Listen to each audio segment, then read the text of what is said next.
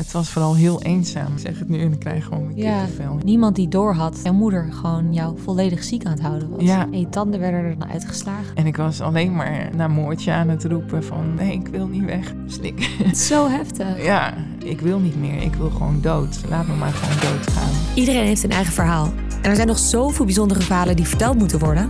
Verhalen die ons prikkelen, inspireren, taboes doorbreken of ons leren om te gaan met tegenslag. Ik ben Iris Enthoven en je luistert naar de podcast Held een eigen verhaal. Deze week in de podcast Nina Blom, die slachtoffer is geweest van het Munchausen bij proxy-syndroom.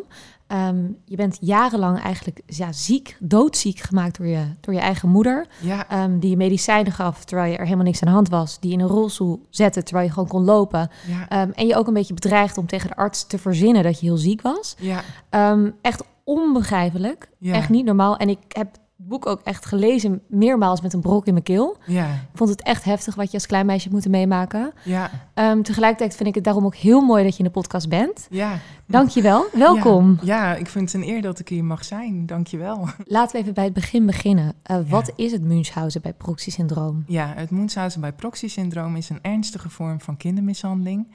Waarbij, en het is heel vaak de moeder die dit doet, dus de pleger ja, ik noem- is vaak de moeder, ehm, een ziekte verzint, verergert of toebrengt. En het toebrengen is natuurlijk de meest erge vorm. Hè? Dus er zijn verschillende gradaties. En ja, de moeder, de pleger, doet dit eigenlijk om aandacht te krijgen van andere professionals, van haar omgeving. En wat ook heel erg belangrijk is, is dat het niet alleen een lichamelijke ziekte hoeft te zijn, maar het kan ook op psychisch of op, op sociaal vlak voorkomen. Dus En eh, komt het vaak voor? ja, nou, eh, er zijn bij Veilig Thuis ongeveer 100 meldingen per eh, jaar. En dat wil niet zeggen dat het allemaal over Munchausen bij proxy gaat, maar het wordt dan onderzocht. En hoeveel daar dan precies van zijn, is nog niet helemaal duidelijk. En zeker Ja. niet in deze tijd. Ehm, maar ehm, ik denk zelf dat het wel een topje van de ijsberg is, omdat nog heel veel mensen het niet weten dat dit bestaat. Ja, En er dus heel veel kinderen verborgen ehm ja ziek blijven. worden gehouden. Ja. Wat ik ook zo bizar vind is, als je dit zegt, dan denk ik ook gelijk aan... ja, want jij hebt geluk gehad dat inderdaad een arts heeft ingegrepen... en dit he- heeft gezien Ja, eh, en kinderbescherming erbij is gekomen. Maar zoveel artsen hebben het ook niet gezien. Ja, absoluut. Het heeft ja, der- ja, 13 jaar bij mij geduurd. Hè. Toen leerde ik eh, dokter Vriend eh, kennen. En ehm, daarvoor hebben kinderartsen wel gemerkt dat er iets aan de hand was. Maar elke keer als het voor mijn moeder te gevaarlijk werd of, of dat ze zich eh, betrapt voelde, dan ging ze of verhuizen of naar een andere huisarts of dokter of ziekenhuis. Ja, dus zo wisten de boel een beetje Ja, stil te houden, ja. ja, Ehm, ik denk dat het mooi is om gewoon een beetje chronologisch jouw verhaal te bespreken... als je daar oké mee bent. Ja, zeker. En eh, vooral te beginnen bij het begin. Wanneer werd jou het eerst verteld van... we gaan naar de dokter en ja. je moet doen alsof je ziek bent? Ja, nou ja, het is eigenlijk al vanaf dat ik baby was begonnen, maar dat kan ik me natuurlijk niet heel goed herinneren. Ik heb wel heel veel eh, vlagen van herinneringen dat ik in het ziekenhuisbedje ligt met van die tralies, want ja, dat, dat was als je heel klein Ja. kind was. En dat vond ik heel traumatisch, omdat, ja, dus dat zijn een van mijn eerste herinneringen. En pas toen ik vijf was, begon het heel duidelijk te worden dat, ja, weet je wel, dat ik eh, naar school wilde. En dat mijn moeder zei van, je, je mag niet naar school, want je bent ziek. En dat ik dacht van, ja, maar ik voel me helemaal niet ziek, weet je wel. En dat ik eh, geïnstrueerd werd door mijn moeder van, goh, we gaan nu naar de dokter. En jij moet zeggen dat je ziek bent en dat je buikpijn hebt.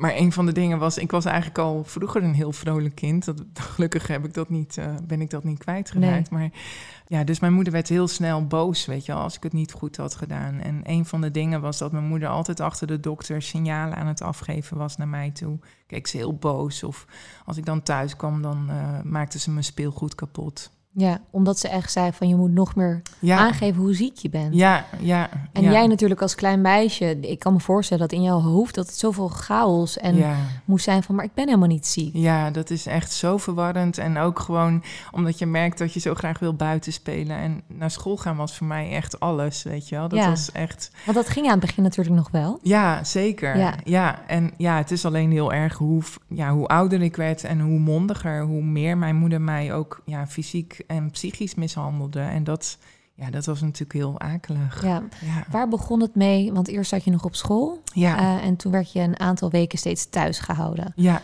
klopt. Ehm, hoe ging, neem ons helemaal mee in het hele verhaal. ja. Hoe begon dat? Nou ja, het begon eigenlijk allemaal dat mijn moeder zei dat ik iets aan mijn lichaamshouding zou hebben, dat die niet goed zou zijn.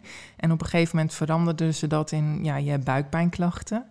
Ehm, en ik heb heel vaak, ja, ik, ik kan natuurlijk niet achterhalen wat er precies is gebeurd, maar ik heb wel heel vaak als ik thuis was, dat ik heel erg ziek was, dat ik heel erg gewicht verloor, eh, niks kon binnenhouden, geen eten kon binnenhouden. En dan ja, verloor ik heel veel kilo's en moest ik thuis blijven. En een van de dingen, ik herinner me nog heel erg dat mijn moeder op een gegeven moment een keer met mijn buurvrouw, Tante Loes, aan het eh, discussiëren was. En dan pakte ze mijn hand en dan deed ze zo eh, mijn vinger eh, in mijn vinger knijpen. En dan bleef dat omhoog staan. En dan zei ze: "Oh, Je bent uitgedroogd en je bent echt doodziek. En je moet nu naar het ziekenhuis, want anders loopt het heel slecht af. En ja, ik was zo in paniek, weet je wel. Ja. dat snap ik, want je weet ook niet beter. Nee, nee. En dan ga je naar het ziekenhuis en dan, Ja. wat zegt de arts dan? Ja, nou heel vaak nare onderzoeken. En ja, met darm- en maagonderzoeken zijn natuurlijk best wel heftig. Ja, Ehm, maar wat heel erg opvallend was, is dat ik daar het voedsel wel kon binnenhouden. En dat ik minder bezoek had. Hè. Dus dat, mijn moeder was dan niet altijd bij me. En dat kan al een signaal zijn van, goh, er is iets anders misschien aan de hand. ja dus wellicht dat ze thuis jou ja, een beetje vergiftigde eigenlijk. ja, dat ze Ja. bijvoorbeeld laxeermiddelen gaf, dat, dat komt best wel vaak voor bij deze vorm van kindermishandeling. Ja. Ja, ja, En aan het begin is het vooral inderdaad dus lichaamshouding en buikpijn veel. ja, Ehm, je gaat door de molen qua onderzoeken. Ja. onderzoek na onderzoek. ja. En er komt Ja. niks uit. Nee, Hoe reageerde jouw moeder hier steeds op? ja, die werd dan heel erg kwaad. En ook van, ja, je, wa- je was te vrolijk of eh, laat me geen flater slaan bij de dokter. En je Waarom weet- laat me geen flater staan? Wa- Was het een soort van schaamte die zij had? Ja, en het, het, ze, project, ze projecteerde het ook heel erg op mij, op mij, zeg maar. Dus, dus ik moest me niet alleen ziek gedragen, maar het was ook nog dat als ik het niet goed had gedaan, dat ik het dan, ja, dat ik gestraft werd. Ja. En dat was omdat ik best wel een mondig en vrolijk meisje was, ehm, wat zij niet kon uitstaan. En ja, wat ik net zei, hoe ouder en mondiger ik werd, hoe meer mijn moeder mij ja, onder de duim hield en ja, gevangen en beknelde, zeg Ja, maar. Ja. Want beknelde ook in de zin van dat ze, dat ze mensen bij je weghield. Ja, dat, dat was op een gegeven moment echt heel verdrietig. Ja. Ja, ja. ja misschien moet ik eh, iets vertellen over toen ik negen was. Ja? Wij gingen eigenlijk bijna nooit op vakantie. En één keer gingen we een weekje op vakantie als cadeautje van de buurvrouw, zeg maar. Want mijn ouders waren zoveel jaar getrouwd. En toen zijn we hier op een camping in Nederland gegaan. En dat was voor mij echt een feest. Want ja, ik had dat eigenlijk nooit meegemaakt. En Nee. we gingen zwemmen en sporten en dansen. Een kinderdisco, weet je wel. Het Ja. was echt fantastisch. Alles wat je wil. Ja, Ja. echt. En ja, ik, ik ontmoette een jongen waar ik heel erg verliefd op werd. Dus het was echt één groot feest, zeg Ja. maar. En ehm, ja, toen had ik één keer geklaagd over spierpijn. En eh, mijn moeder dacht van, oh, ik ga iets nieuws verzinnen. Tenminste, dat denk ik, zeg maar. En die, spier, die spierpijn heeft zij als een soort van reuma gezien. Van, oh, ze zal wel reuma hebben. Dus toen wij eh, terugkwamen van vakantie, heb ik nog een paar weken op school gezeten. En toen in ene keer kwam ik thuis en ik was bij, eh, mijn moeder was bij de buurvrouw en ik kwam daar op, op eh, bezoek. En toen zei ze van ja, ik heb iets heel ergs te vertellen. Jij moet worden opgenomen, want het gaat heel slecht met je. En toen dacht ik van, ja, weet je, het was ook, ja, hoe moet ik het uitleggen? Het, het, het was zo raar die dag, de laatste dag dat ik op school kwam. Vroeg de meester ook aan mij van, goh, kun je nog heel even nablijven? Ik wil even wat aan je vragen. En ik was toen heel erg in paniek, want hij vroeg van, ja, je bent zo stilletjes en gaat het wel goed met je? En ja, ik was, ja, een beetje stilletjes teruggetrokken. Ik was ook een beetje van, ja, wat moet ik nou zeggen? En toen bleek dat de allerlaatste dag te zijn dat ik naar school mocht. Dus achteraf dacht ik van, jeetje, had ik nou maar wel iets gezegd... dat het eigenlijk thuis helemaal niet fijn was. Of, Nee, maar dat Nee. heb ik dus niet gedaan. nee, je was Ja. jong en je weet ook niet beter. Nee, en ik wist natuurlijk ook niet dat het mijn allerlaatste keer was dat ik naar school mocht. Dus dat was voor mij echt heel heftig. Dat zoiets moois, ja, eigenlijk mijn ergste nachtmerrie begon te worden. Dus een Ja. hele mooie herinnering werd een, Ja. werd een nachtmerrie. Ja, En zij zei van je moet worden opgenomen, want je bent heel erg ziek. ja. Wat gaat er dan door je heen? Ja, paniek. Ik was heel erg in de war van, ja, hoe, hoe komt ze daar dan bij? En dan ga je terugdenken van, maar hoe komt ze daar? Maar ik heb één keer geklaagd over spierpijn en heb ik dit nu zelf veroorzaakt? Ja, Ja. je gaat... Het begint heel sluipend naar jezelf heel de tijd te gaan. Van dat jij de schuldige bent of dat jij iets niet goed hebt gedaan. En ja, ook, ja, en zo manipulatief praat ze natuurlijk ook op Ja. je in, toch? Ja, Van het is ja. jouw fout en, Ja, ja, en jij bent ziek. Ja, dat, dat is een van de kenmerken.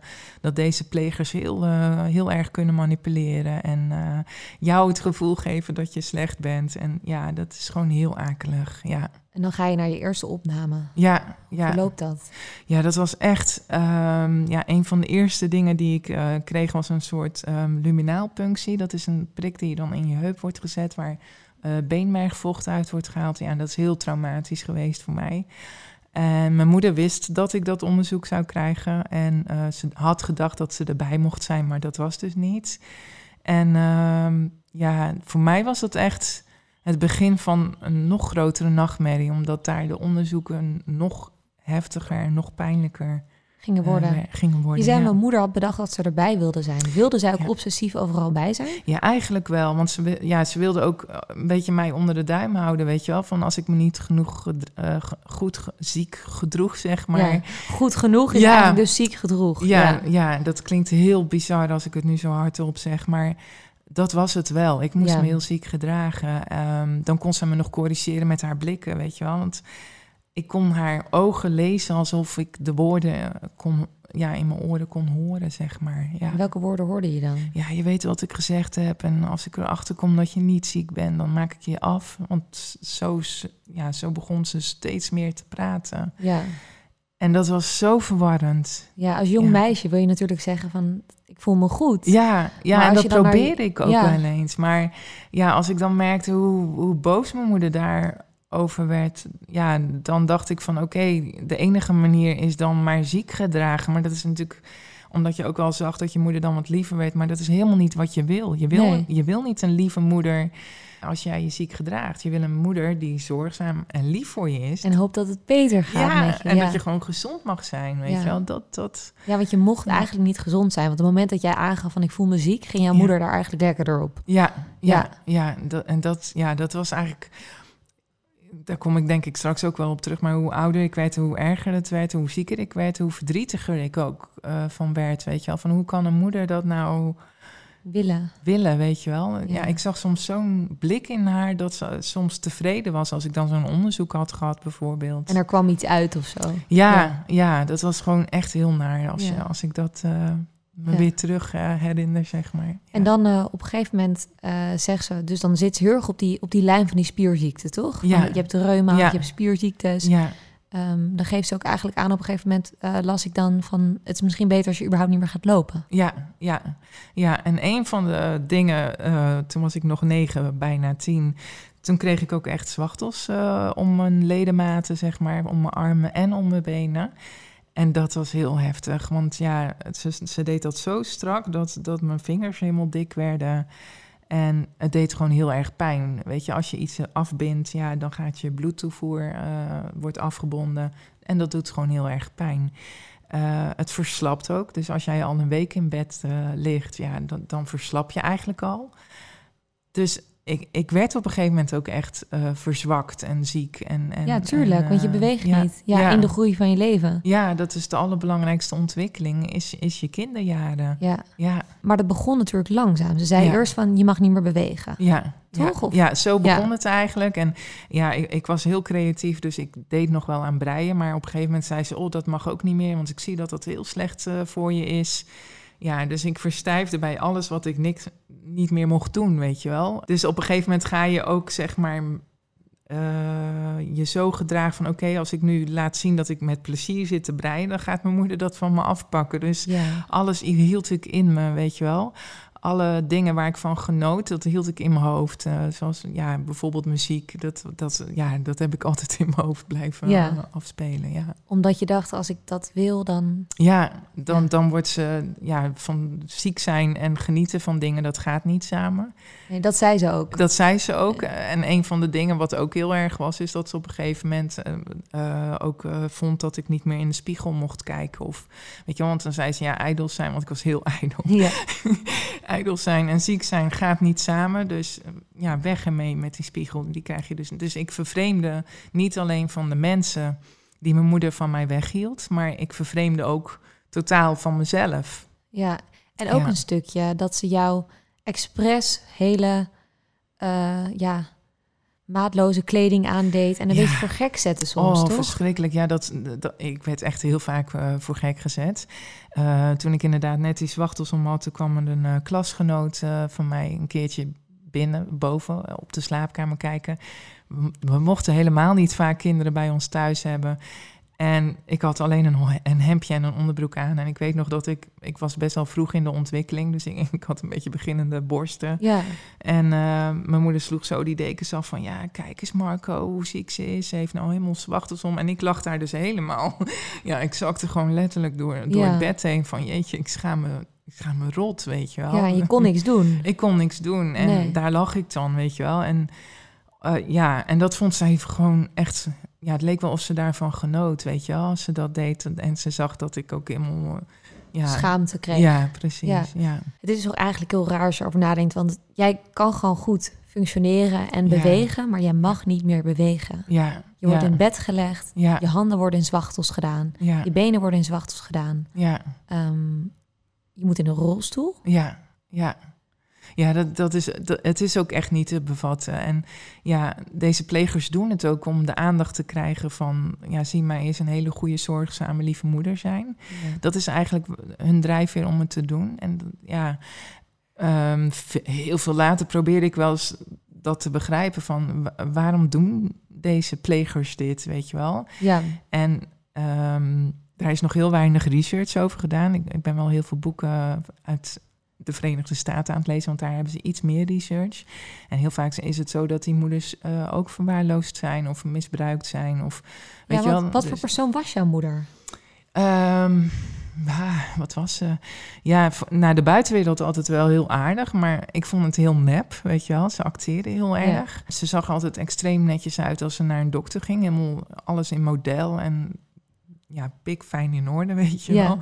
Ehm, maar als ze dan thuis was en niemand zag het, dan, dan, en dan kon ik wel eens een verwildering in haar eh, gezicht zien. Of haar lok zat dan wild. En dan dacht ik al van, oh, dit gaat niet goed, weet je wel. En een van de dingen was dat mijn moeder altijd op haar tong beet als ze mij aan het mishandelen was. Ja, en dan zakte ik al helemaal weg in, in dissociatie. Dat, je- dat je gewoon letterlijk, ja, dat is een overlevingsmechanisme, dat je er gewoon even uit eh, gaat, zeg maar. Ja, ja, en als je het hebt over mishandeling, eh, aan het begin is het natuurlijk vooral gewoon jou ja. compleet zorgen dat je niet meer beweegt, waardoor Ja. je achteruit en je medicijnen geeft Ja, ook, toch? ja, daar begon ze al heel vroeg mee. En ja, het begon allemaal nog vrij onschuldig met askalpoeders, pijnstillers, slaapmiddelen.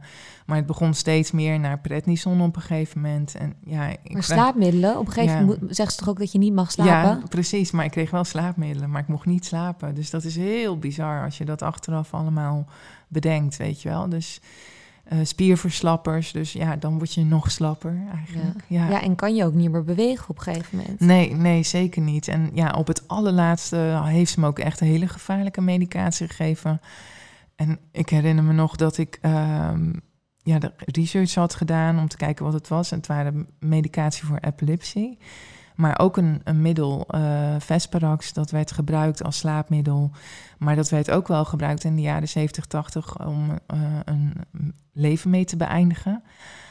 Ja, en ik heb eigenlijk nog steeds niet de vraag of de antwoorden gekregen van... eh, Hoe kwam ze aan die medicijnen? Ja, precies dat. Ja. Ik weet het echt nog steeds niet. Nee. Nee.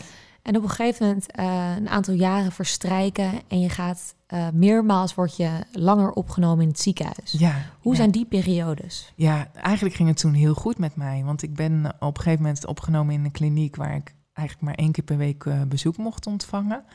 Ehm, en ik merkte ook dat ik begon te genieten. Ik was natuurlijk aan het puberen. Hè. Ik was al rond de tien ongeveer.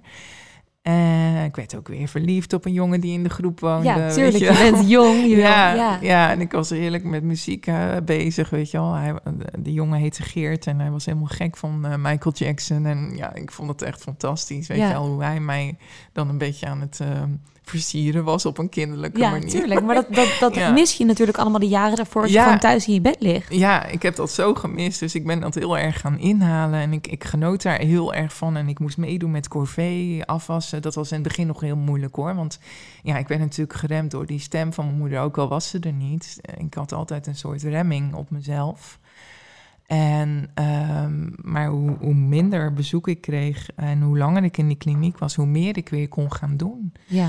Ja, dus... En hoe meer normaal eten je kreeg. Ja, En- nou dat. Ja, en, dus ik werd eigenlijk weer een gezonde ja, puber. Ik was nog wel met, met krukken aan het lopen hoor. Maar ja.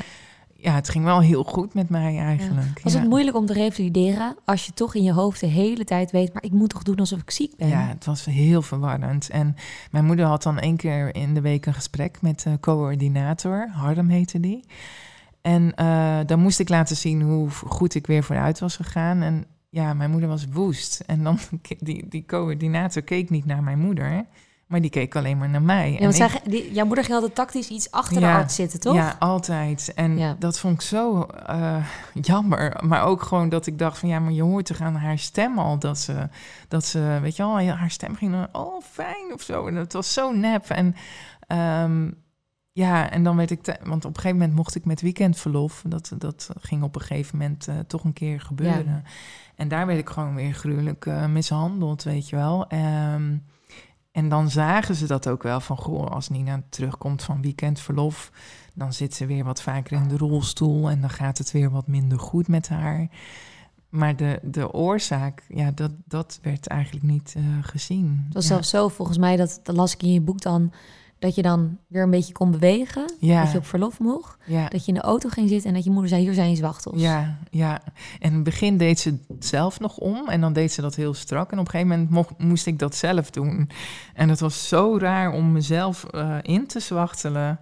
Ik deed dan wel een stuk losser, want dan deed het tenminste niet zo'n pijn. Maar het, ja, het is zo verwarrend als je dit meemaakt, weet je wel. Dat jong dat, meisje. ja, weet je wel, dat dat de normaalste zaken zijn voor mijn moeder dan, weet je wel. Net als tandenpoetsen. Maar voor haar waren dit handelingen die mij alleen maar meer ziek maakten. Ja, Ja. ja. En eh, dan ben je een langere periode thuis. ja, En dan gaat het echt slecht met je. ja het, gaat, het ging echt heel slecht. We zijn op een gegeven moment verhuisd. Eh, toen, we, toen ik uit die kliniek ontslagen werd, zijn we verhuisd naar een gelijkvloerse woning. En ik wist eigenlijk van, oh jee, dit gaat niet goed. Want ik zal waarschijnlijk nu altijd weer in mijn rolstoel moeten zitten. Want gelijkvloers was voor mij een teken van, ja, dat het weer... Ja, en ik had gelijk, weet je wel. Ik mocht die krukken niet meer gebruiken. Ik werd op een metielschool gezet. Dat is ook echt heel bizar. Dus dat is een school waar ja, eh, lichamelijk gehandicapte kinderen op zitten. Ehm, en ik weet nog, de allereerste dag dat ik op die school kwam, had ik een overdracht met de oude fysiotherapeut en de nieuwe. En daar kon ik nog gewoon los, stukjes losstaan en lopen. En eh, ja, en ik, daar werd een videocamera bij eh, geplaatst. Ja, dat was voor mij heel heftig, want ik dacht, ja, als mijn moeder dit ooit gaat zien, dan... Dat ik eh, gewoon kan lopen. Ja, Ja. en dat wist, ze wist het. En dat vond ik eigenlijk heel erg. Want ik moest het natuurlijk elke week eh, toen in de kliniek laten zien. Dus ze wist dat ik het kon. Maar ze heeft het me zo, ehm, ja, hoe zeg je dat? Eh, verboden om te doen. Dus ik mocht het niet. Ja, en, en als je dan een fysiotherapeut hebt die zegt van ja, maar je kan dit. Je moet het gewoon doen. En je moeder zegt je mag het niet doen. Ja, dan zit je gewoon tussen vuur en eh, tussen... Heel verwarrend. Ja, precies. En niet bevorderlijk natuurlijk voor je, voor je herstel. Ja, dat. En, en ja, ik blokkeerde dus. En, en toen begon het eigenlijk steeds slechter te gaan, waardoor ik een soort ja, eh, conversie ontwikkelde. Dus een conversie is dat als er iets heel traumatisch buitenaf gebeurt, ja, dan kan je gewoon blokkeren. Dus dan kun je op een gegeven moment ook niet meer bewegen. Dat komt ook wel eens voor met niet kunnen praten of zien, weet je wel? Dat je, Ja. Dus dat, dat is een conversie. Ja. Ja. Dus dan op een gegeven moment lukt het je ook niet meer. Nee, nee, nee. Dus dat, ja, weet je, en toen ik helemaal thuis eh, werd gehouden op een gegeven moment, omdat, ja, ik had op een gegeven moment conflicten met die fysiotherapeut. Want die zei van ja, weet je, jij kan dit gewoon. Waarom, waarom kun je dat nou ineens niet meer? Ik geloof jou niet. En je moet gewoon je been optillen, weet je wel. En dan kwam ik thuis en dan werd ik elke dag uitgehoord door mijn moeder. En ik, ik kreeg dan helemaal rode vlekken. En ik was knetterzenuwachtig gewoon, omdat ik wist van... Ja, mijn moeder gaat me gewoon weer urenlang uithoren en slaan. En, uh, en toen hield ze me thuis op een gegeven moment. Ja, en dat, dat was zo verschrikkelijk. Ja, wat gebeurde er in een periode allemaal? Um, ja, ik werd nog meer op bed gehouden. Uh, mijn zwachtels gingen nog strakker om. Uh, ik kreeg nog meer uh, medicatie. Um, ja, ik dacht echt op een gegeven moment, ik was 12, bijna 13, van dit, ja, dit gaat echt niet goed. En ik zag bijna niemand meer. Um, ja, dus het ging steeds slechter. Ja. ja. ja. En dan op een gegeven moment al zo slecht dat je denkt van wil ik nog wel leven? Of in ieder geval, ja. zij, zij praat jou dat ook aan, toch? Ja, dat klopt. Ja, dat klopt. En zeker toen ik uh, 13 was. Um, ja, op een gegeven moment dat ze, de, ja, ik herinner me nog heel goed dat mijn moeder uh, eerst had, gaf ze me een bordje eten, zeg maar, uh, een beetje aardappels, appelmoes, stukje vlees. En dat bordje, dat werd een schoteltje. En dat schoteltje werd op een gegeven moment een klein bledje. Ja, een bledje, dus nog kleiner dan een schoteltje. Ja. En ja, als je het meemaakt, dan uh, denk je er niet heel erg bij na. Maar ik dissocieerde heel veel, denk ik. Ik denk dat dat mijn bescherming is geweest. Maar als ik er nu aan terugdenk, dan denk ik, oh, wat, wat vreselijk. Weet je wel, dat je gewoon eigenlijk de dood ingejaagd wordt door steeds minder eten te krijgen, wel steeds meer medicatie, uh, steeds meer in bed. Uh, mensen werden van me weggehouden, want dan zei mijn moeder van, ja, Nina is veel te ziek. Uh, je mag haar niet zien of het, het is niet goed voor haar. Ja, en dan hoorde ik in de gang bijvoorbeeld een oom of zo van mij. En dan dacht ik, oh, ik wil hem zien, weet je wel. Maar, ja, contact, menselijk ja, contact. Ja, ja, dus dat, ja, dat was echt vreselijk, ja. En op een gegeven moment ga je ook naar de uh, dokter, naar de huisarts... om euthanasie aan te vragen? Ja, nou ja, op een gegeven moment... Um, ja, hoe moet ik het uitleggen? Um, nou, het is een klein stapje te ver ga je nu ja. nog, denk ik. Want uh, op een gegeven moment, toen ik 13 was, dat was in mei... Um, 1988, toen leerde ik dokter Vriend uh, uh, voor het eerst kennen, zeg maar. Dus ik ging bij hem op bezoek. Want volgens moeder zou ik aanbijen hebben. Dus ik kwam in het ziekenhuis, ik kreeg algemene onderzoeken van wat is er toch met Nina aan de hand.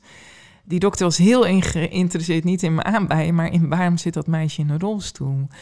Uh, uiteindelijk werd ik opgenomen, uh, zou ik geopereerd worden aan aanbijen, terwijl de dokter het nooit had gezien. Dat is ook heel bizar. Ja, dus de operatie was al ingepland. Die was al ingepland. totaal geen aanbijen waren geconcentreerd. Ja. Is dat ook omdat je moeder dan heeft gezegd, want ze heeft aanbijen. Ja. Dus ja. haar overtuigingskracht was daarin best wel groot naar ja. toe. Ja, precies. Ja. Dus, uh, en dat, dat de chirurg, zeg maar, s ochtends voor de operatie nog even kwam, even inwendig keek en dat zei, maar ik zie helemaal geen aanbijen. Dus toen werd het uh, werd de operatie vervangen door een onderzoek. Dus weer zo'n on inwendig onderzoek.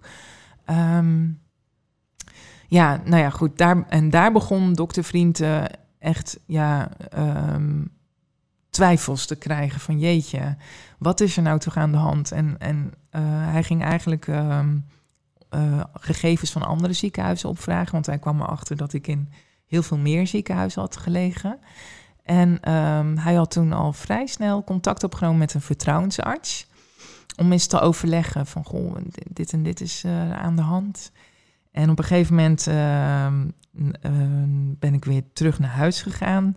Uh, ik weet dat mijn moeder ook nog een keer weer naar het ziekenhuis opgenomen moest worden. Want ook daar kreeg ik de schuld van dat mijn moeder breuken kreeg omdat ze mij zo verzorgde.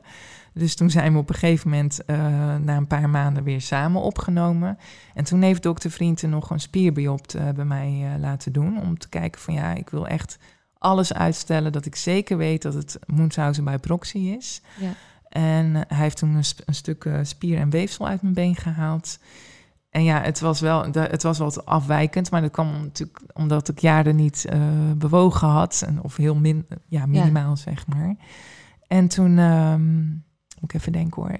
Ja, toen begon het heel drastisch te worden. Ik weet nog dat het. Uh, dat was in oktober, zeg maar, uh, 1988.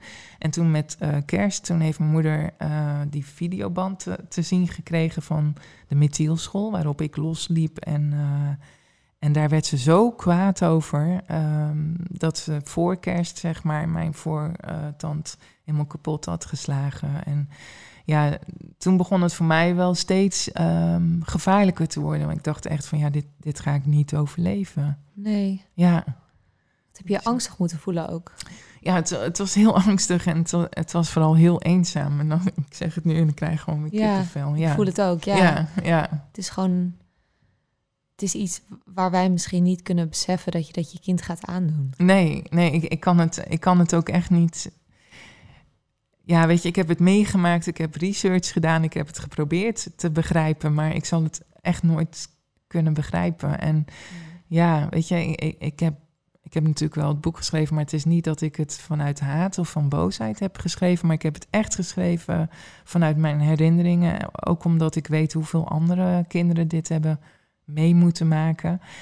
En ja, ik denk dat mijn moeder gewoon iets heel ergs heeft meegemaakt. Ik kan me gewoon niet anders voorstellen waarom ze dit. eh, Dus iemand Ja. zou doen. ja. Het moment ook waarin wat ik aan het lezen was, waar we volgens mij denk ik nu een beetje ook aankomen, waar ik echt, nou, alleen maar zat het gewoon vast bij mij. ja, moment dat je uit huis wordt geplaatst of wordt Ja. opgenomen. ja, Het is echt, ja, ja, ik krijg ook weer een beetje kippenvel. En, eh, ik- ja, heel toevallig heb ik. Eh dokter Vriend is mijn held, maar ik heb heel toevallig een paar weken terug gehoord dat hij ook is overleden. En daar ben ik echt heel verdrietig over. ja, Ehm, hij, want hij, is, hij blijft altijd een onderdeel in mijn leven. Dus hij, hij is een held voor mij die altijd met me mee ja. zal dragen. Hij is de enige arts na al Ja. die jaren onderzoek, alle artsen die betrokken zijn geweest, die jullie eigenlijk altijd de deur hebben geweest van we weten het niet, ga maar naar een ander ziekenhuis. ja, Niemand die door had wat Ja. zich daar afspeelde. Ja. Dat jouw moeder gewoon jou volledig ziek aan het houden was. ja, zeker. Dus hij heeft dat door. Ja, en hij bleef ook altijd zo lief. Hè? En ik dacht echt van, nou, nu gaat hij ook een hekel aan mij krijgen. Want dat dacht ik gewoon, weet je wel. Omdat alle dokters een beetje mij behandelden als een aanstelster. Wat ik heel erg snap, want er werd niks gevonden. Ja, Ehm, maar dat maakt het nog eenzamer. Want Ja. ik, was, ik was mijn moeder, noemde mij al een verschrikkelijk kind, een rot kind. Maar ik voelde me ook bij de doktoren, ik schaamde me ook heel erg, weet je wel. Want ik wist ergens in mijn achterhoofd van, ik ben niet ziek. Maar als ik eh, me niet ziek, eh, ziek genoeg gedroeg, ja. ja, dan werd het nog erger en nog gevaarlijker. Dus ik, had, ik kon geen kant op. Nee, Ja. want veel doktoren daarvoor zagen dat, of dachten dat het psychisch was bij jou. Ja, klopt. Ja, Ja. klopt. Ehm, kan je ons een beetje meenemen in de, de lijn hoe de laatste periode is voordat dokter Vriend eh, eh, ja, echt ja, actie onderneemt? Ja, ehm, ja ik, ik, ik herinner me nog eh, dat ehm, het boek van Anne Frank, dat, dat las ik nog, zeg maar. Ik mocht toen nog een, een boek omslaan. Maar op een gegeven moment zag ze hoe ik daarvan genoot en mocht dat ook niet meer. Ik kreeg een televisie en dat was voor die tijd heel bijzonder. Alleen dat was voor de buitenwereld. Eh, ik mocht in het begin nog tv kijken, maar dat werd dus ook steeds minder. En ik, ik weet nog heel erg dat ik heel veel MTV keek. Toen was het nog heel erg Ja, met muziek, zeg maar. En ja, dat was voor mij, ja, weet je, die, ik kan je niet uitleggen hoe ik dat soort fragmenten in me heb opgezogen. Van, ja, dat, dat zijn dingen waar ik me aan vast heb gehouden. En, en Moortje natuurlijk, mijn kat, die, die nog bij me mocht, maar ook die werd van me afgehouden, want die lag altijd op bed. En dat mijn moeder zei van, ja, dat doet veel te pijn aan jouw benen, dus hop, die mag ook niet meer bij jou, ja. Weet je, dus het enige wat ik nog had was mijn hoofd, een muur. En dat was een granolmuur waar allemaal lijnen in zaten. En dat ik een soort fantasiewereld ging creëren voor mezelf. Van nou, ik ga nu een wereld in waar niemand, eh, waar geen moeder is, geen vader. Ik, ja, ik hoop mijn zus en mijn vriendin Claudia en Moortje. En waar het veilig is, weet je. En daar, daar, ja, daar ontsnapte ik aan de, aan de vreselijke gebeurtenissen. gebeurtenissen, ja. ja. En je tanden werden er dan uitgeslagen? Ja, ja, dat was dat. Ja, dat. ik, ja, hoe moet ik het uitleggen? Dat was eigenlijk de eerste keer dat ik mijn moeder heel erg aansprak van wat heb je nu gedaan? Ja. Weet je wel, je hebt me, ja, ik zei hardop, je hebt me nog lelijker gemaakt. Maar ik had mezelf natuurlijk al heel lang niet meer in een spiegel gezien. Maar, wilde, ze, wilde zij je zo graag lelijk maken? Want los van die tanden eh, las Ja. ik ook iets over dan, dat jij op een gegeven moment vroeg van mag ik mezelf scheren? ja, En dat ze op een gegeven moment bijna je hele hoofd kaal wilde scheren. Ja, ja, dat was mijn vader, hè? Die, die helemaal gek... eh, Ja, want hoe was jouw vader? We hebben het nu voornamelijk gehad over jouw moeder. Ja, ja. Hoe is Nou, jouw vader? Ja, mijn vader is eigenlijk heel erg meegegaan op een gegeven moment toch wel in het geloven, denk ik, van mijn moeder. Ik kan het niet anders bedenken. Ehm, maar ja, we hadden, ik had eigenlijk ook niks aan mijn vader, weet je wel. Dus ik heb, ik heb nooit echt een, een sterke band met mijn vader gehad. Eh, en hij kon eigenlijk heel ehm, onvoorspelbaar zijn. Dus weet je wel, ik had dan om die ladyshave gevraagd inderdaad, omdat ik, ik wilde geen okselhaar. En eh, mijn moeder die begon dan bij mijn vader heel erg aan te dikken van... Ja, Nina zeurt de hele dag, weet je wel. Terwijl ik het maar twee keer had gevraagd in één week tijd. En die werd dan laaiend. Dus hij- ja, een van de dingen is dat hij bijvoorbeeld hete koffie over me heen gooide. Of eh, hij begon te vloeken. Of, of, ja, of hij kwam inderdaad met die ladyshave en ik lag op bed en hij wilde me kaal scheren. Weet je wel, Ja. dat soort... Gruwelijk. Het is echt Ja. gruwelijk. Ik kan er echt met mijn hoofd niet bij. Nee, ik ook niet. Nee. Nee, ja, ik zeg het wel zo, maar... ja, we, we praten er ook een soort van makkelijk over. Maar het, het, het- en in, jouw boek ook, je leest zoveel van dit soort voorbeelden die je aanhaalt. eh, wat er gebeurd is, dat ik gewoon denk, holy shit, weet je wel. Ja, Maar ehm, je bent op een gegeven moment echt op een dieptepunt. ja. En dan, dan, dan ontmoet je dus dokter Vrienden. Ja, ja, Hoe verloopt dat? ja. Nou, eh, hij bleef ontzettend aardig voor mij. Hij probeerde eigenlijk ook mijn moeder een beetje bij me weg te houden en gesprekjes met mij aan te gaan. En hoe gek het ook klinkt, ik durfde eh, geen contact meer met hem te maken. Want ik dacht van ja, hij gaat straks ook een hekel aan me krijgen. Maar ik zat wel heel omslachtig met hem te communiceren. Ik dacht van ja, als ik nou bijvoorbeeld, als hij me onderzoekt en ik geef een glimlachje en hij kijkt per ongeluk naar mijn moeder. En hij ziet hoe haar, hoe haar verwoestende blik mij aankijkt, dan zal hij misschien wel iets ontdekken of zo. Maar dat gebeurde dus niet. Nee. Dus ah, mijn moeder werd nog gruwelijk boos op mij. En dokter Vriend, eh, die had zoiets van... Hè, je lacht, maar je zegt dat je pijn hebt. Dus dat was heel verwarrend. Ehm, maar toch bleef hij gewoon contact met me houden. Gewoon de hele tijd, zeg maar. Ja, en ik herinner me op een gegeven moment dat ik door die gevaarlijke medicatie ook thuis een maagbloeding had gekregen. En mijn moeder had toen intussen al thuishulp gekregen van een wijkverpleegkundige. En toen dacht ik echt van ja, dit ga ik niet overleven. Dit, dit ga ik echt niet overleven. Weet je, je ik voelde me voor de eerste keer echt heel ziek, zeg maar. Ja, want je was gewoon ziek gemaakt. Ja, ook, ik Was, ja, dat is die derde vorm hè, Ja. waar ik in het begin over had. Dat is ja, het veroorzaken van, dus het vergiftigen, het heel veel medicatie geven. En ik herinner me nog dat mijn moeder eh 21 pillen per dag in mijn mond eh, stopte. Dus zeven keer, drie keer pillen. Dus dan kon ik het een beetje bijhouden. En op een gegeven moment kreeg ik dus een neuszonde. En toen heeft mijn moeder die pillen verbrijzeld met eh, ja, twee lepels. En dan Ja. deed ze dat met een spuitje water zo in mijn neus. Dus ik kon niet meer zien hoeveel ik binnenkreeg. En dat, ja, dat klinkt heel gek, maar die controle verloor ik helemaal, weet je wel. Ja, ik wist alleen maar, ik word steeds zieker. En dat is het eigenlijk, ja. Ja, Tot die ene dag. Tot die ene dag, ja, ik vergeet het, ik krijg weer kippenvel, maar... Het was heel erg warm buiten. Het was 2 augustus 1989. Ik, dat, is, ja, dat is mijn bevrijdingsdag nog steeds, Ja. zeg maar. Ehm, en s ochtends eh, ging de bel. En er ging nooit een bel bij ons thuis eigenlijk. En dat was dokter Vriend. En ja, ik was helemaal in de war. Ik was te suf a- om eigenlijk echt goed te kunnen reageren. En hij ging uiteindelijk weer weg. Ik heb het niet helemaal meegekregen. En toen ging weer de bel. En toen was het een mevrouw en die wilde bellen. En ik had zoiets van, wat is dit raar? En ik hoorde het allemaal niet. Mijn moeder was heel luid aan het praten van, ja, Hubert, zet jij moordje in de douche, weet je wel? En ik hoorde zijn pootjes op de grond vallen. Ik denk, wat, wat gebeurt hier? En ik hoorde op een gegeven moment zeggen van... ja, maar jullie nemen Nina vandaag toch niet mee? En ja, toen raakte ik heel erg in paniek. En mede dat die mevrouw binnenkwam, die legde mij uit wat ze ging doen. Van, we gaan jou helpen, we gaan jou eh, ergens heen eh, brengen... waar je weer beter kunt eh, worden. En ja, dat, was al heel verwarrend. En toen kwamen de ambulancebroeders. Ja, dus mijn kamer was nog nooit zo vol geweest. En die hebben mij op het brancard meegenomen, zeg maar. En ik was alleen maar uh, naar Moortje aan het roepen van... nee, ik wil niet weg, weet je wel. Ja.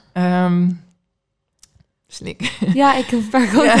Het is zo heftig. Ja, en... Um, ja, nou ja, het, ik zag politie. Dat, het, ik zag allemaal, ja, het was allemaal heel onwerkelijk, zeg maar. Dus, en ik kwam weer voor de eerste keer buiten. Het was heel mooi weer, de zon scheen. Dus het was heel raar. Er gebeurde heel veel in, in zo'n korte tijd.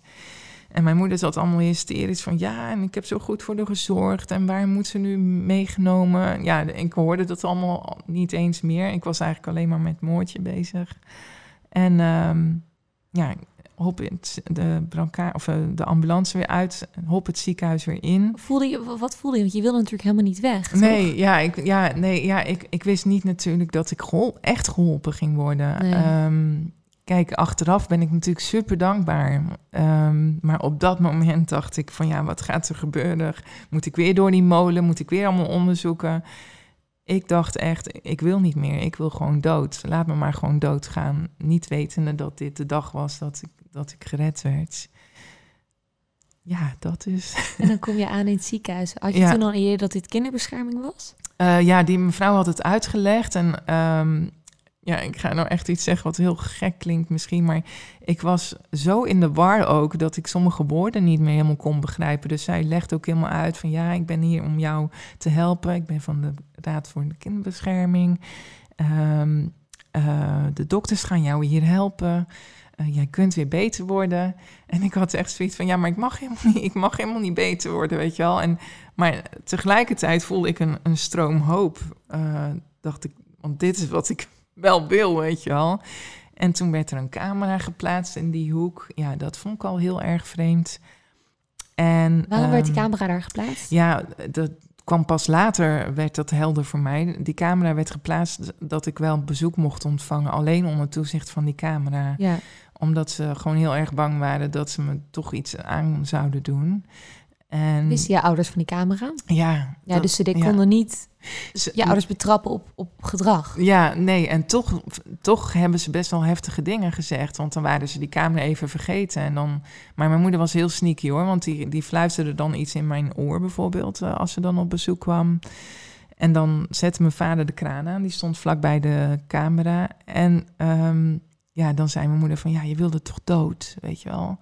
Je, je weet wat ik gezegd heb, hè, weet je wel. En ik wist dat zij bedoelde van, ja, je bent ziek en oh weet dat ik er, uh, ja, als ik erachter kom dat je dat niet bent, dan maak ik je af, weet je wel. Dus ze, ze, ze dreigde me eigenlijk nog steeds waar, waar die camera bij was. Ja, maar gewoon heel tactisch. Heel tactisch. Ja. Uh, maar soms sloept ze er ook wel eens iets uit. En dat ze dan laat zei, shit, staat die camera nog aan? Zat ze met mijn vader te fluisteren, weet je wel, van... staat die camera nou nog aan, weet je wel? En ja, ik heb één band, zeg maar, uh, ooit teruggezien. Moest het geluid heel hard zetten. En ja, die heb ik ook uh, letterlijk uitgeschreven en, en, in mijn boek gebruikt. Want ik dacht van, ja, dit moet op elke woord, moet dit helemaal kloppen, weet je wel? Want dit geloof je gewoon niet, ja. En wat zei ze daarin? Ja, mijn moeder, um, ja, vooral mijn vader, die zei van... Uh, nee, ik moet het even anders zeggen. ik zei op een gegeven moment, dus 4 eh, augustus kreeg ik voor de eerste keer weer uh, bezoek. Hè. De 2 augustus was ik uh, opgenomen. 4 augustus kreeg ik voor de eerste keer weer bezoek. Dus ik was al een beetje afgekikt van die hele heftige medicatie. Um, en ik was ook een stuk helderder. Ik, ik, ik wist een beetje wat er... Ik wist van, oh, die kamer gaat mij helpen. Ik ga hem gebruiken om bewijsmateriaal. Uh, ja, precies. Dus ik was eigenlijk best wel een pinter meisje eigenlijk. Ja, van vind ik wel. Ja, en het gaf je ook misschien een beetje zelfvertrouwen dat er iemand meekeek. Ja, zo van nou kunnen ze toch niet uh, doen wat ze thuis ook deden. Ja. Hè? Dat verstikkende wat mijn moeder heel vaak met een kussen of zo deed. Of... Uh, ja, dat zijn trouwens allemaal details die ik natuurlijk zeg nu, maar dat weet de luisteraar misschien niet. Maar dat zie je vaker met een kussen eigenlijk half liet stikken, ja, toch? Ja, ja, ja. ik, ik zeg het Ja, nee, ik, ik heb het natuurlijk gelezen, dus ik, ik, ik wil daar niet te makkelijk overheen praten alsof dat niet niks is. Want dat is natuurlijk ook Ja, Het is een opstapeling van gruw, gruwelijke dingen. ja Maar inderdaad, zeker. met een kussen, maar eh, jou vaker... eh, Ja, Ja. zo bewerkte ze mij totdat ik eh, toegaf van ja, ik ben wel ziek. En nou ja, dat. Ja. Dus ik dacht van nou, dat gaat niet meer gebeuren dankzij die camera. En dat gebeurde gelukkig ook niet.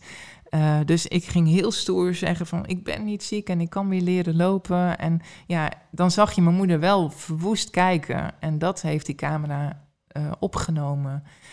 Eh, maar het rare is dat als de dokter dan weer kwam, dan ging ik automatisch weer in mijn zieke rol. Weet je wel? Dan zei ik van, ja, maar ik ben toch ziek, weet je wel? En dat was, heel, dat was al heel verwarrend. Maar eigenlijk wilde ik dat die dokter zei, nee, je bent niet ziek. En dan zag je mijn moeder dus weer zo verwoest kijken. En die beelden, ja, daarin konden ze echt zien van dit, ja, dit is natuurlijk niet goed. Zat ja. er iemand in een kamertje nog steeds mee te kijken? Ja, ja, en eh, de zusters waren ook, eh, ja, ik denk zeven meter van mijn kamer verwijderd. Dus die hielden het heel goed in de gaten.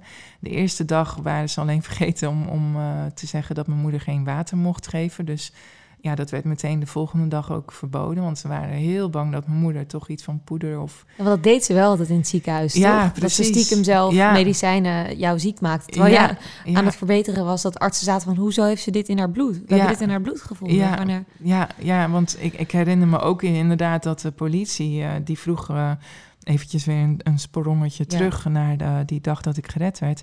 Dat de politie vroeg van, goh, wij willen de doosjes graag hebben eh, van de medicatie die Nina heeft eh, gekregen. Nou, en die doosjes zijn naar eh, de arts gebracht en ze hebben mijn bloed geprikt en toen hebben ze die stoffen. Dus het is, ja, als mensen het niet geloven, zeg maar, kunnen ze het nu ja, ook voor mezelf kan ik gewoon zien van jeetje, ik heb echt hele gevaarlijke medicatie Ja. gekregen. En ja, dus ze hebben ook gewoon bewijs gevoerd dat, dat ik dat werkelijk... Dat dat in- allemaal in je bloed gevonden is. Ja, en tegelijkertijd met alle resultaten dat ze geen ziektes vonden. Ja, precies. Dus dat- Ja, ja. En tegelijkertijd, omdat, omdat mijn lijf natuurlijk zo verslapt was... eh, mijn moeder legde bijvoorbeeld ook eh, kussens eh, om mijn benen... dat mijn voeten helemaal in een spitstand kwamen. Waardoor ze echt dachten van jeetje, we moeten dat helemaal sterker gaan maken. Dus mijn voeten moesten langzaam weer, ja, eh, weer teruggebogen worden naar normaal. En eer dat ik weer echt kon lopen, ja, ik zwikte natuurlijk heel de tijd door, door mijn enkels. En dat was heel pijnlijk, dat weet ik nog de allereerste keer. Ja. Maar goed, dat is heel langzaam gegaan. Van een vlinderbad naar een loopbad. ja, we gaan nog even terug Ja, naar, ehm, ja, naar het eh, moment dat jij dus eh, dat de eerste keer bezoekt. Dus dat, dat je- die beelden heb je teruggezien. ja, die heb ik teruggezien. Ja, En ehm, zij worden eigenlijk steeds meer van jou vandaan gehouden. Ja, ja eh, het, het bezoek verliep steeds stroever. En ik begon ook steeds meer vertrouwen te krijgen in de artsen en de psychologen. Ehm, eh, dat ik, ja, ik blokkeerde ook steeds meer. Ehm, de psycholoog David Franson zei van, goh, je kunt er zo moeilijk over praten. Probeer het dan op te schrijven. En ja, dankzij hem heb ik het uiteindelijk letterlijk allemaal van me af kunnen schrijven. Want dat is heel helpend geweest. Ja, Ja, echt. eh, ik zou het iedereen willen aanraden om, om als je... gedachten op te schrijven. Ja, dat, dat, op een gegeven moment vindt jouw moeder ook dat dagboek. Ja, en zit ze gewoon stiekem, terwijl die camera draait, eh, bij het voeteind zit ze heel stiekem zo te lezen. En dan ja, zit ze, als ze dan, dan komt ze op een gegeven moment naar me toe, geeft ze een, doet ze net of ze een kusje geeft. En dan zegt ze, ja, je weet wat ik heb gezegd, je mag niks eh, erover schrijven, weet je wel. Dus ja, ik weet gewoon weer ehm, bedreigd. Ja, Dus eigenlijk was er helemaal geen veiligheid voor mij. En, da- en daardoor blokkeerde ik steeds meer. En op een gegeven moment werd dat zo erg dat ik ja, ook e- echt heb aangegeven van... het gaat gewoon echt niet goed. Ik sliep niet meer. Ik, ik, ja, weet je wel, ik werd heel bijna depressief van... oh, mijn ouders komen weer en eh, ja, het Ja. gaat gewoon echt niet goed. Ja, en toen zijn we op een gegeven moment zelfs ook naar een nieuw ziekenhuis verhuisd... waar ik niet meer op één kamer alleen kon liggen, waar geen camera meer bij kon. En toen ging het eigenlijk nog, nog slechter. Dus toen werd ik gewoon weer continu bedreigd, weet je wel. ja, dus elke keer als je ouders op bezoek kwamen, ja, was je bij begin, bij begin af aan, zeg Ja, maar. ja. Tenminste, en als zij weg waren, maakte je progressie. ja eh, maar het was, wel, en, eh, het was wel zo dat ik op een gegeven moment de kracht kon voelen van ja, nu moet ik echt gaan knokken, want als dit doorgaat, dan hou ik dit niet vol. Nee. Weet je wel? Je- Ja, je moet zo sterk in je hoofd zijn, wil je die moeder aankunnen, zeg maar. Maar ja, ik wilde haar gewoon ook echt niet. Ik, ik kon gewoon niet meer naar haar luisteren, naar haar dreigementen. Nee. Nee.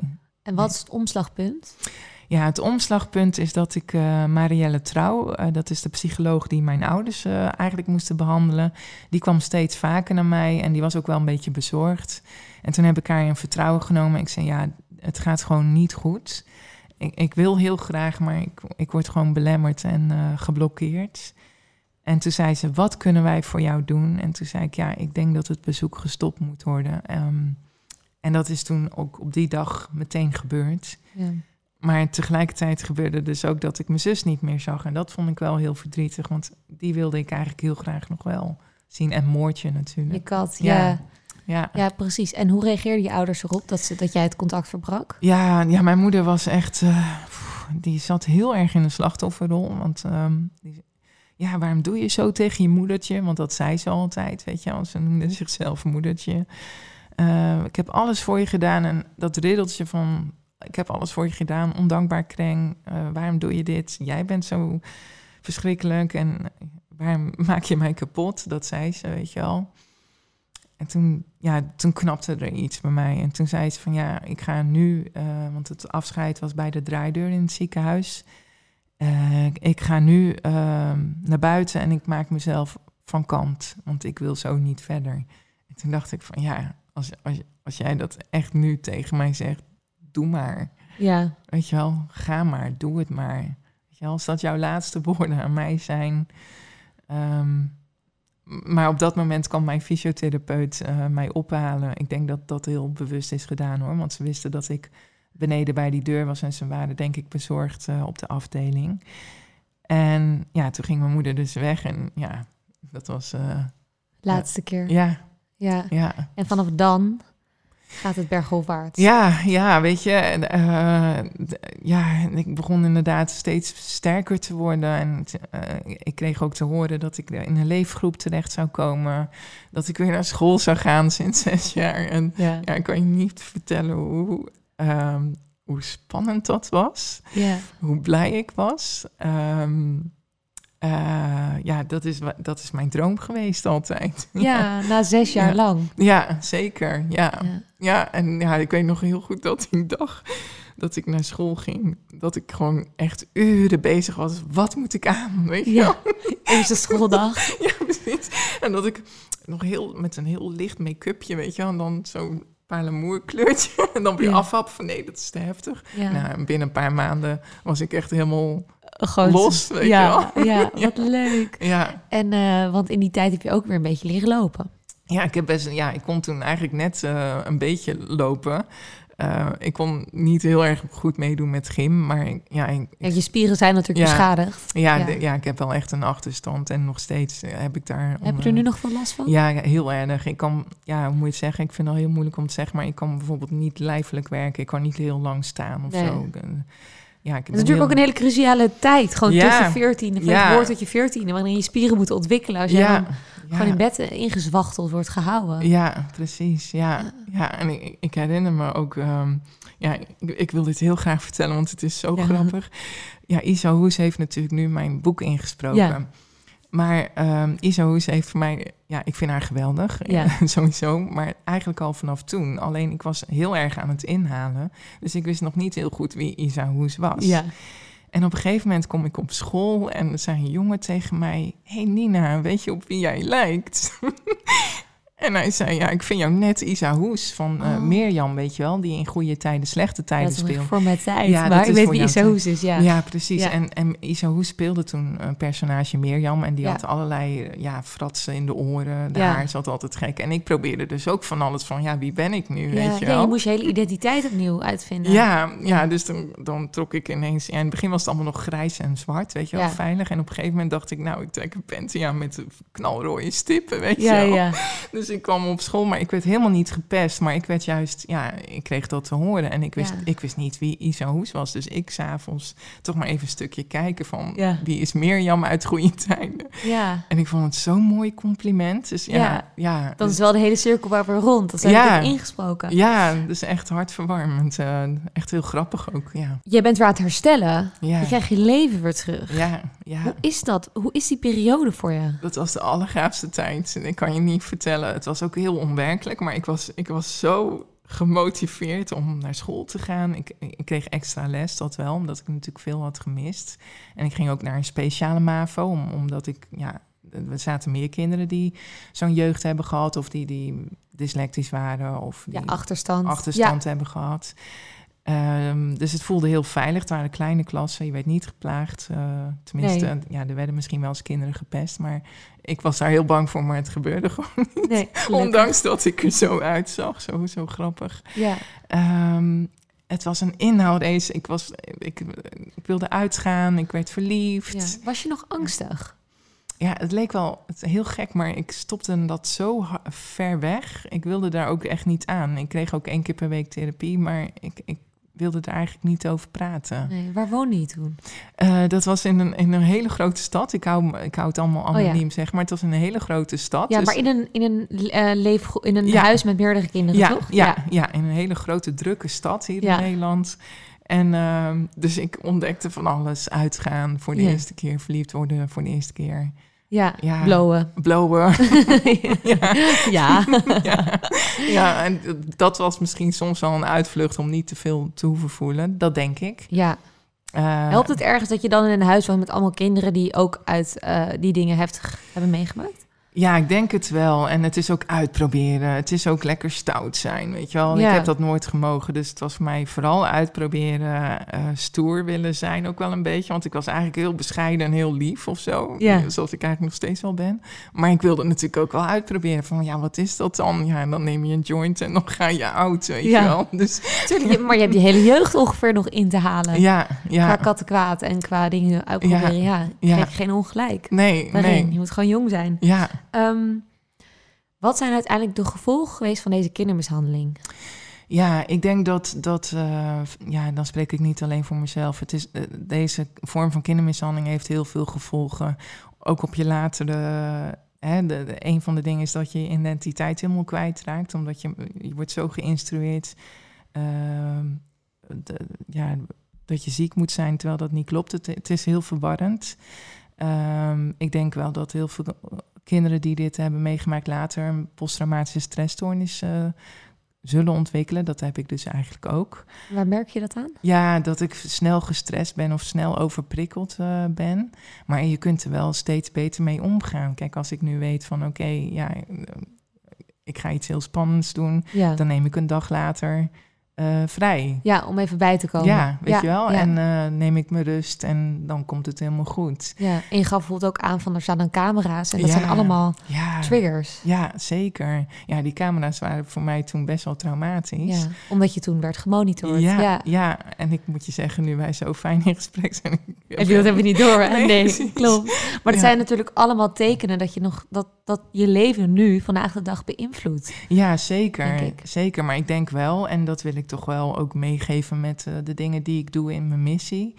Eh, ik heb heel veel contact met lotgenoten, is dat je wel, ondanks een verziekte jeugd, een heel gelukkig leven kunt opbouwen. Dat, ja, weet je, het is absoluut mogelijk. Ja, dat is ook jouw missie. Dat is ook een van mijn missies. En Ja. ook om bekendheid te geven aan deze ernstige vorm van kindermishandeling. Ja, want ehm, spreek je veel lotgenoten erover? Ja, ik heb best wel heel veel contact. En ik moet je zeggen, ja, hoe meer ik in de media kom, zeg maar, hoe meer mensen er weer bij komen eh, die contact met mij zoeken. Ehm, en ik denk dat het alleen maar heel mooi is, want dat zijn die verborgen mensen. zijn bijvoorbeeld mensen die soms jaren het niet aandurven om met mij contact te nemen, het al heel lang gezien hebben en dan uiteindelijk een, een stukje moed vinden van, ja, weet je, nou ga ik eh, contact opzoeken. En zijn er dan veel vergelijkbare situaties? Heel veel vergelijkbaar, ja. Ja. Natuurlijk is elk verhaal eh, authentiek, Anders, ja. anders. Maar er zitten zoveel raakvlakken. En ja, daarom ben ik heel blij dat ik dit nu kan doen. Ja, waar herken je eh, het aan, het München bij proxy-syndroom? Ja, er zijn heel veel kenmerken, zowel bij eh, de pleger als bij het kind, zeg maar. Ehm, ja, de pleger ja, vindt ziekenhuisdetails heerlijk, bijvoorbeeld. Ja, want jouw moeder wist Ja. alles. Die wist alles. Ja. Die weet alles van ziektes. Die lezen zich heel erg in. En toen was er natuurlijk geen internet, maar nu is dat steeds makkelijker omdat er nu wel internet is. Je kunt alles vinden ook, weet je wel. Ehm, dus ja, ik denk gewoon dat de, er zijn zoveel kenmerken en daar vertel ik ook over. Want we moeten natuurlijk ook uitkijken dat we niet ja, zomaar mensen gaan beschuldigen. Nee, tuurlijk. Het is dus heel, daar- ja. ja, het is heel specifiek. Ja. Ja. En ehm, spreek je, heb je je ouders daarna nog gesproken? Ja, ik heb eh, op een gegeven moment dus een hele nare relatie gehad waarin ik gedwongen werd om ehm, weer contact met mijn ouders eh, te moeten hebben. Dat was heel traumatisch. Om financiële redenen. Om niet financiële omdat hij wilde dat het goed kwam. Nee, zeker niet. Nee. En ehm, ehm, nou ja, dat is toen heel traumatisch geweest. Ik ben toen ook weer verhuisd en weer opnieuw begonnen omdat ik heel erg eh, lastig werd gevallen daarna, zeg maar. Door je ouders. Ja, ja. Ja. En ehm, ja, dus uiteindelijk heb ik eh, de kunstacademie gedaan. Tijdens mijn afstuderen hebben ze een detective eh, ingehuurd om mij weer op te sporen. En toen zijn ze dus weer acht keer aan mijn deur geweest. Ja, en toen begon Wat wilden ze? ja, ze wilden een soort mij toch weer manipuleren van ja, weet je, eh, eh, het andersom gaan doen van jij bent psychisch ziek, maar we willen toch kijken of we het gezin weer kunnen herenigen. Dus ze wilden me blijven manipuleren. En was er niks van introspectie aan hun kant? Ehm, nee, de, ja, weet je, ze zullen het nooit erkennen dat, dat ze dit eh, gedaan hebben. Want hun zijn de, de, de, de ouders die alles voor hun kind hebben overgehad. Ja. En dat is het pathologisch liegen. Dat is ook een van de kenmerken, is dat ze geloven in hun eigen leugens. Maar ik wil er wel bij zeggen dat ze wel overwogen te werk gaan. Dus weet je wel, als mijn moeder mij bijvoorbeeld bewerkte met dat kussen... of ze had me blauwe plekken gegeven, dan zei ze... oh, weet dat je het tegen niemand zegt, want je bent gewoon gevallen. Nou, en je bent gewoon gevallen, werd haar waarheid. ja. Ja, Wat is jouw boodschap van jouw hele levensverhaal in het algemeen? Ja, nou ja, als je een vermoeden hebt dat er iets ergens niet eh, klopt, dat je een niet pluisgevoel hebt, ja, doe er iets mee, weet je. Ehm, neem contact op bijvoorbeeld met Veilig Thuis en overleg eens wat je ziet. Heel feitelijk wat je ziet of wat je merkt. Ja. Ik zou wel heel voorzichtig zijn om nog niet direct eh, de moeders, de, de vermoedelijke plegers aan te spreken, omdat dat heel gevaarlijk kan zijn voor de kinderen die vermoedelijk slachtoffer zijn. ja, dus dat moet je wel eh, tactisch eh, Ja. aanpakken. Ja, En het algemeen, jou, jouw les in het leven? Want volgens mij geniet je enorm. Ja, ik geniet enorm. Ja, geniet gewoon inderdaad van elke dag. En, en realiseer je, je dat alles wat, ehm, als je dit hebt meegemaakt of soortgelijke situaties, dat dat is geweest. En dat je toch iets heel moois kunt opbouwen. Ja, dat dat niet je leven hoeft te tekenen. Nee, zeker niet. Misschien Nee. alleen maar sterker maakt. Ja. Ja, Nou, ik vind het heel mooi hoe je vertelt. ja. Eh dankjewel voor jezelf. Ja, ik, ik vond het heel bijzonder. Echt, eh, ja, dank je wel. Ik, vond het, een- ik, ik was zo in het gesprek dat ik... Ja, nou, Ja. fijn. Ja, Goed om te horen en eh dankjewel. Dit was hem dan, de podcast Held en Eigen Verhaal. Laat me weten wat je van de aflevering vond en vergeet vooral niet te volgen zodat je als eerste op de hoogte bent als er een nieuwe aflevering online komt. Bedankt voor het luisteren. Tot volgende week.